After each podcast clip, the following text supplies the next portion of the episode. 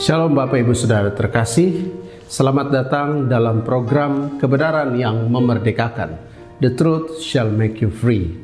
Koran Kompas hari ini 8 Januari 2021 menuliskan tentang solidaritas dari seorang pengojek yang setia mendonorkan darah. Disebutkan, dorongan untuk berbagi tetap menggelora meskipun pandemi COVID-19 membayangi awal tahun 2021. Tidak hanya berbagi uang, tetapi juga berbagi bagian dari diri sendiri, yakni darah, tanpa memilah dan memilih penerima. Para donor berharap darah mereka menyelamatkan sesama.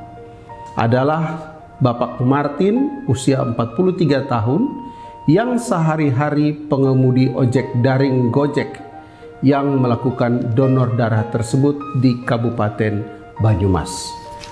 Bapak Ibu Saudara terkasih, belajar dari apa yang dilakukan oleh Bapak Martin, kita semua tersentuh bahwa memberi itu bukan berarti uang atau materi, tetapi apa pun yang ada di dalam diri kita bisa berguna, bermanfaat bagi, orang lain.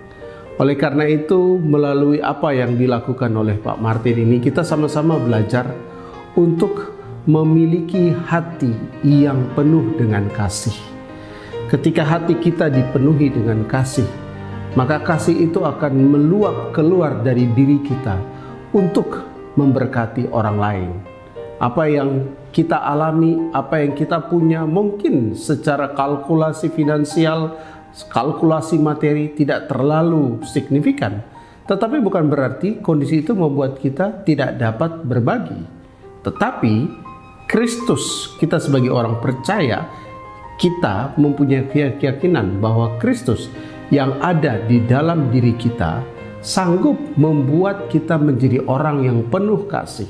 Seberapapun kita punya, seperti apa pun kondisi kita profesi apa pun kita punya, seperti tukang ojek, yang mungkin secara pandangan umum dianggap berpenghasilan rendah, tetapi dia tetap memiliki kasih dan berbagi kasih yang berarti buat orang lain. Nah, ada seorang psikolog namanya Alfred Adler. Dia berpendapat tentang memberi. Dia bilang begini, apa sebabnya memberi atau berbuat baik setiap hari memberi pengaruh yang sangat baik kepada mereka yang melakukan. Ternyata secara psikologi ada pengaruh baik kepada orang yang memberi. Sebab kalau kita berusaha menyenangkan orang lain, dengan sendirinya kita berhenti untuk memikirkan diri kita sendiri. Dan memikirkan diri sendiri itulah yang menyebabkan sedih, murung, khawatir, stres, dan takut. Itu pendapat dari seorang psikolog. Jadi oleh karena itu kita bersyukur pendapat psikolog mengkonfirmasi kebenaran firman karena firman mengajarkan kita untuk berbagi kasih. Dalam kitab 1 Timotius 6 ayat 18 itu disebutkan dengan sangat jelas bahwa peringatkanlah agar mereka itu berbuat baik, menjadi kaya dalam kebajikan, suka memberi dan membagi. Amin kita diperingatkan oleh firman Tuhan untuk menjadi orang yang kaya dalam kebajikan, suka memberi dan membagi. Kenapa begitu? Firman memberikan jawaban yang sangat clear buat orang yang suka memberi. Karena dengan demikian, itu di ayat 19 ya. Karena dengan demikian mengumpulkan suatu harta sebagai dasar yang baik bagi dirinya di waktu yang akan datang. Untuk apa? Untuk mencapai hidup yang sebenarnya. Artinya, ketika kita berbuat baik, ketika kita berbagi kasih, itu kita menurut 1 Timotius 6 ayat 19, kita mengumpulkan sesuatu harta sebagai dasar. Harta untuk apa? Harta sebagai dasar bagi kita untuk waktu yang akan datang untuk mencapai hidup yang sebenarnya. Jadi ini dalam, pengertian ini dalam. Dan kita perlu belajar terus mengenai apa itu kasih. Karena kasih tidak terbatas oleh materi, tetapi oleh berbagai hal yang ada di diri kita, apa pun profesi kita, seberapapun kepunyaan kita, kita tetap bisa berbagi kasih. Selanjutnya firman Tuhan dalam kisah para rasul 20 ayat 35 itu disebutkan bahwa kita harus membantu orang-orang lemah dan harus mengingat perkataan Tuhan Yesus.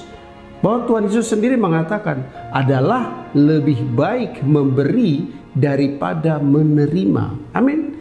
Jadi saya percaya firman Tuhan mengajarkan kita untuk menjadi orang yang suka berbagi, mengasihi orang lain.